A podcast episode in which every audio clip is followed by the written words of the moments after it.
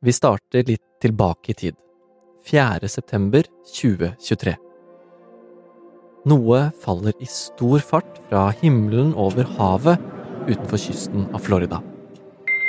Dragon nominal descent rate and recovery team reports a visual on two healthy drogues.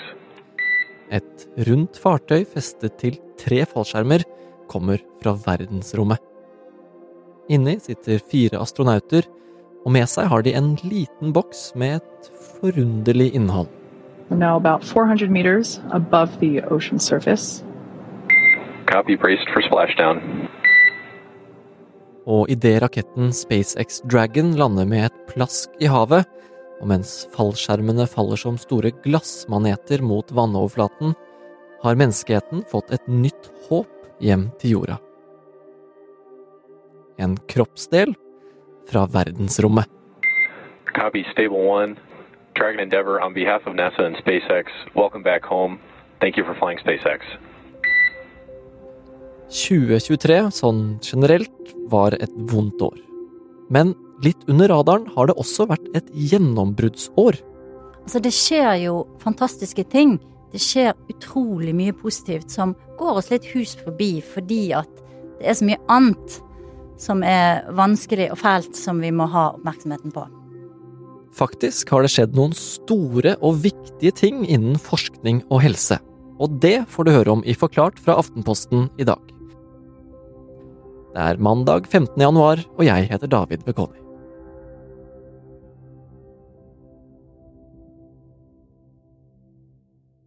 Kristina Pletten, du er kommentator i Aftenposten, og på nyttårsaften så kom du med kommentaren 2023 var også et fantastisk år.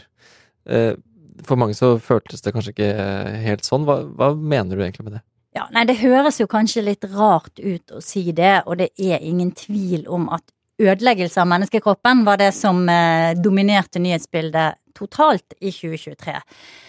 Men så var det jo også sånn at det kom i løpet av året veldig store nyheter om helse, om forskning, og det skjedde en del revolusjonerende ting, rett og slett, som kanskje ikke fikk den oppmerksomheten det fortjente på grunn av alle de andre tingene som også skjedde i verden, da.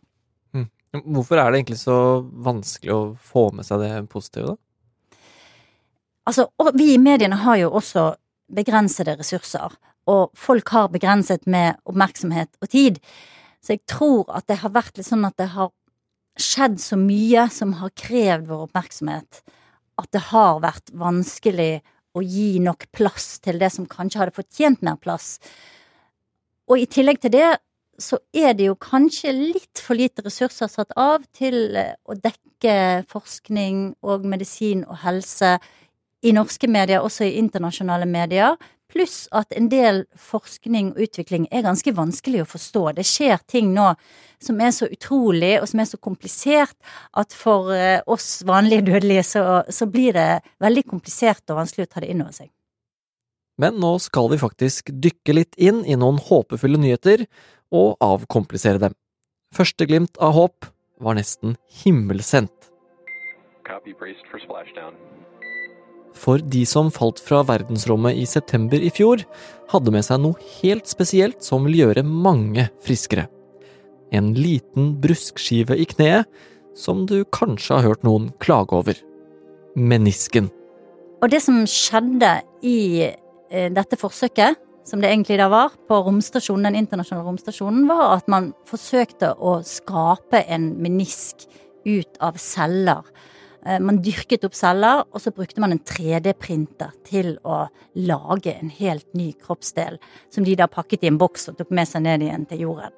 Men det høres jo eh, veldig omstendelig ut å, å dra opp til verdensrommet for å dyrke en menisk, for ikke å snakke om at det høres ganske rart ut.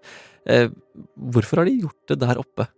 Sånn som jeg forstår det, og sånn som det blir forklart, så er det på grunn av tyngdekraften.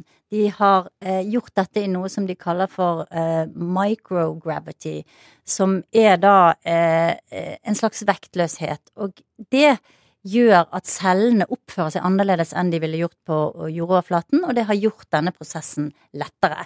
Det virker i hvert fall som om eh, det har vært en vellykket prosess. Og det at det i hele tatt går an, da, å lage nye kroppsdeler er jo, det er jo helt fantastisk. Så nå på sikt så kan vi se for oss sånne store organfabrikker i verdensrommet da, som flyr rundt jorda og lager organer til oss.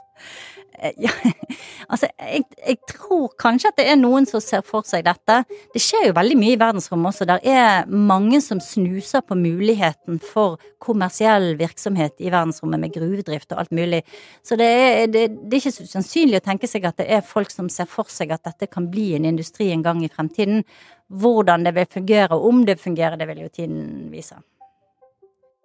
Og det her skjedde altså i et år der, som Kristina sier, verden tilsynelatende var mer opptatt av å ødelegge kropper enn å helbrede dem.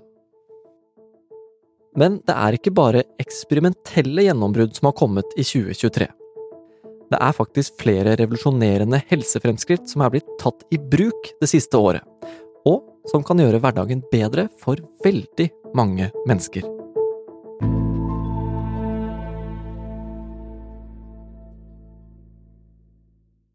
En av de største helseutfordringene verden står overfor i dag, er mangel på fagpersonell og kompetanse.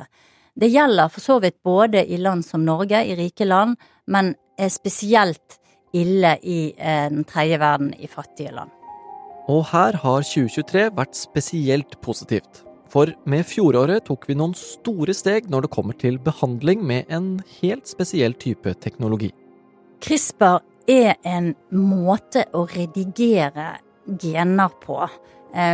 Dette er jo veldig, veldig vanskelig, men sånn som jeg forstår det, så kan man klippe ut en bit av genmaterialet og dermed fjerne ting som f.eks. gjør at man utvikler sykdommer. La oss gå litt inn i det her. For CRISPR, som kanskje høres litt ut som en app eller et stilig designmerke, står egentlig for Clustered Regularly Interspaced Short Palindromic Repeats. Et langt og vanskelig navn på en type DNA-sekvenser som fins i en del bakterier og andre mikroorganismer. De er en del av immunforsvaret deres. Så her er det på en måte bakterien som er hovedrollen. Og nå blir den angrepet. Av et virus.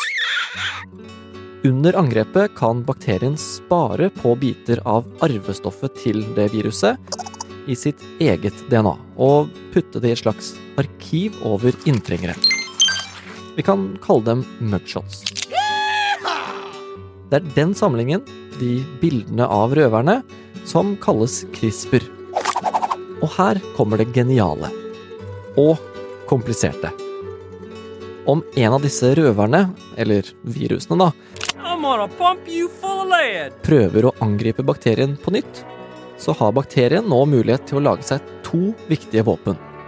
Våpen 1 er å kopiere dette mugshotet den har liggende av virusrøveren, og gjøre det om til et såkalt RNA-molekyl, en veiviser. Samtidig skapes våpen nummer to, et Cas-protein, en slags saks. Ved hjelp av våpen nummer én kan da bakterien finne frem til en spesifikk del av det angripende virusets arvestoff, og ved hjelp av våpen nummer to så kan den klippe det rett ut av viruset, og med det avverge hele virusangrepet.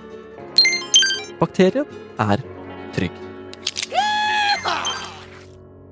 Og det er nettopp denne klippejobben som forskerne vil bruke til andre ting. Så for å oppsummere helt enkelt CRISPR kan brukes som en slags programmerbar gensaks som endrer DNA eller RNA, og altså kan åpne for enorme gjennombrudd. Det er ikke kjempenytt i seg selv, men her ligger kjernen i nok en helserevolusjon fra 2023. En av de aller mest spennende tingene som skjedde i hele 2023, faktisk, var jo at CRISPR ble tatt i bruk i praksis. Det ble godkjent som behandling for en sykdom som kalles sigdcelleanemi, som er en blodsykdom som særlig eh, mennesker med afroamerikansk eller afrikansk herkomst er utsatt for. Eh, og det har jo vært store forventninger til at CRISPR skulle utvikles til medisinsk behandling på mange felt. Det er masse ting som er, skjer, det er masse forskning på gang. Men dette var første gangen vi faktisk så at noe nå er tilgjengelig for pasienter. Kan vi se den teknologien her brukes på flere områder fremover, da? Ja, altså man jobber jo med mange forskjellige ting. Sånn som jeg forstår det, så er det alt fra kreft til Alzheimer, eh, masse arvelige sykdommer. Um, og det er jo sannsynlig at man vil se i årene som kommer fremover, at noe av dette i hvert fall blir vellykket, og at man får effektive behandlinger, for eksempel for en del krefttyper. Det hadde jo i så fall vært fantastisk, og et eh, kjempestort gjennombrudd for menneskeheten. Men det at CRISPR nå kan brukes mot en spesifikk sykdom, det er et kjempestort fremskritt. Teknologi er kanskje nøkkelordet for dette håpet vi kommer drassende med i denne episoden. Mennesket har altså i 2023 utviklet muligheter for å gro kroppsdeler i verdensrommet, og vi kan etter hvert klippe ut kjipt DNA fra cellene våre. Og så er det en ting til.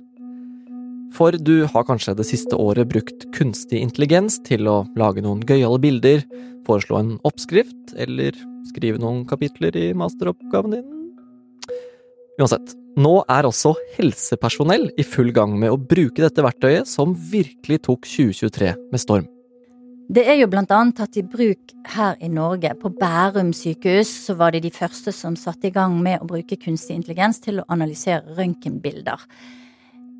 Kunstig intelligens ble brukt til å se om det var brudd eller ikke på en fot eller en arm når pasientene kom inn.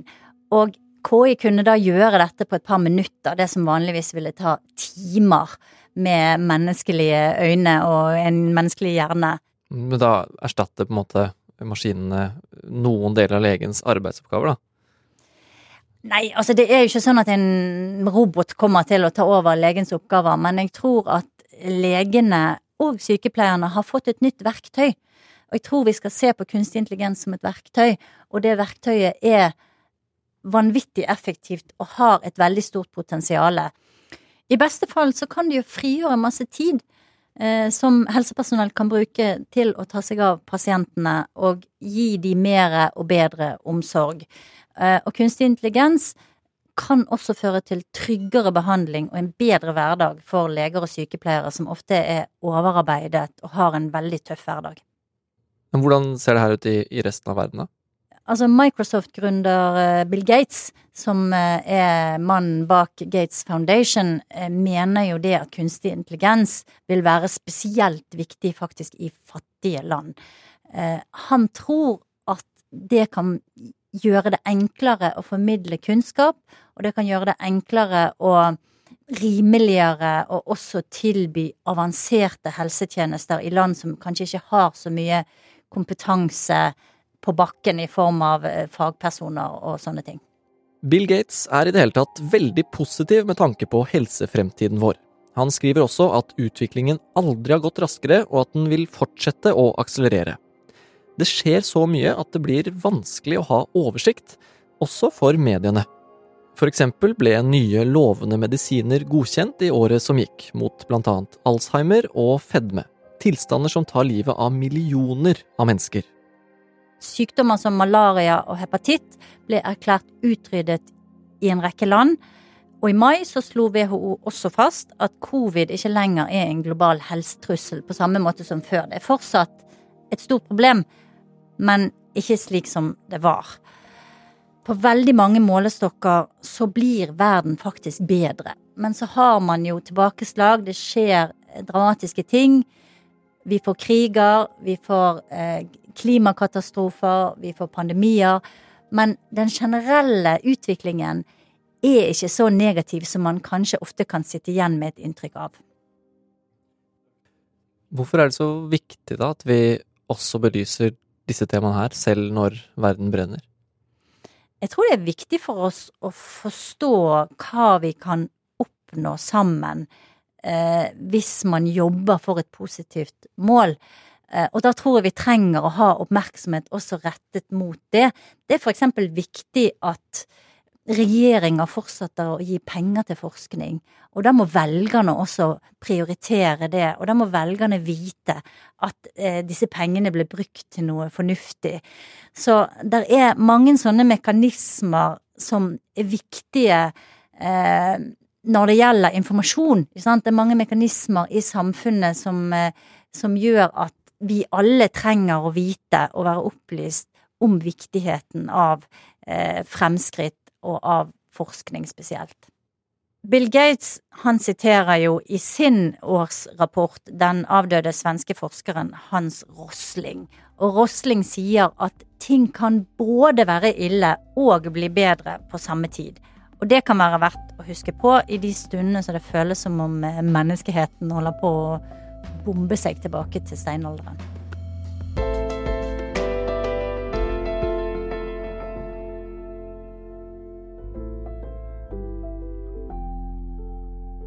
Du har hørt en positiv podkast fra Aftenposten. Det var Kristina Pletten som forhåpentligvis ga deg, som oss, litt håp. Lyden du har hørt, er fra NASA. Denne episoden er laget av håpefulle Fride Næss Nonstad og meg, David Vekoni. Også håpefull. Resten av Forklart er Philip A. Johannesborg, Olav Eggesvik, Synne Søhol og Anders Weberg.